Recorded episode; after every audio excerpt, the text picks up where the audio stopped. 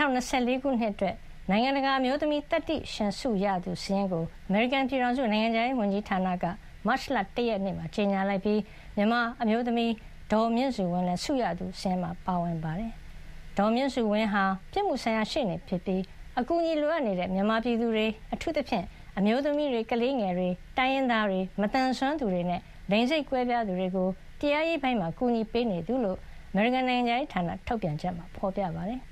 ပြည်သူတွေရဲ့ အခြေခံရပိုင်ခွင့်ကို အကာအကွယ်ပေးပြီး မျှတတဲ့ တရားရှင်မှု ချနိုင်အောင် ကူညီပေးနေသူလည်း ဖော်ပြထားပါတယ်။သူဟာ နိုင်ငံတကာ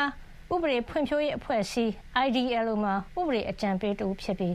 အခမဲ့ရှေ့နေလိုက်တာ အပါအဝင် ပြည်သူ အယောက်900ကျော်အတွက် တရားရေးပိုင်းမှာ ကိုယ်တိုင် အကူအညီပေးထားတယ်လို့လည်း ဖော်ပြထားပါတယ်။ကမ္ဘာတဝန်း သူမတူတဲ့ ရဲစွမ်းတက်တည်ရှိသူ အာမန်ခိုင်မာသူ ငြိမ်းချမ်းရေး တရားမျှတရေး လူခွင့်ရေး ကြားမှဒန်းတူညီမျှမှုရှိစေရေးနဲ့အမျိုးသမီးနဲ့မိန်းကလေးငယ်တွေကိုစိတ်တက်ခွန်အားမြင့်တင်ပြီးစတဲ့အခမ်းကဏ္ဍတွေမှာခေါင်းဆောင်မှုရှိသူတွေကိုရွေးချယ်ပြီးချီးမြှင့်တဲ့18ကြိမ်မြောက်နိုင်ငံတကာအမျိုးသမီးတတိရှင်စုချီးမြှင့်ပွဲအခမ်းအနားကို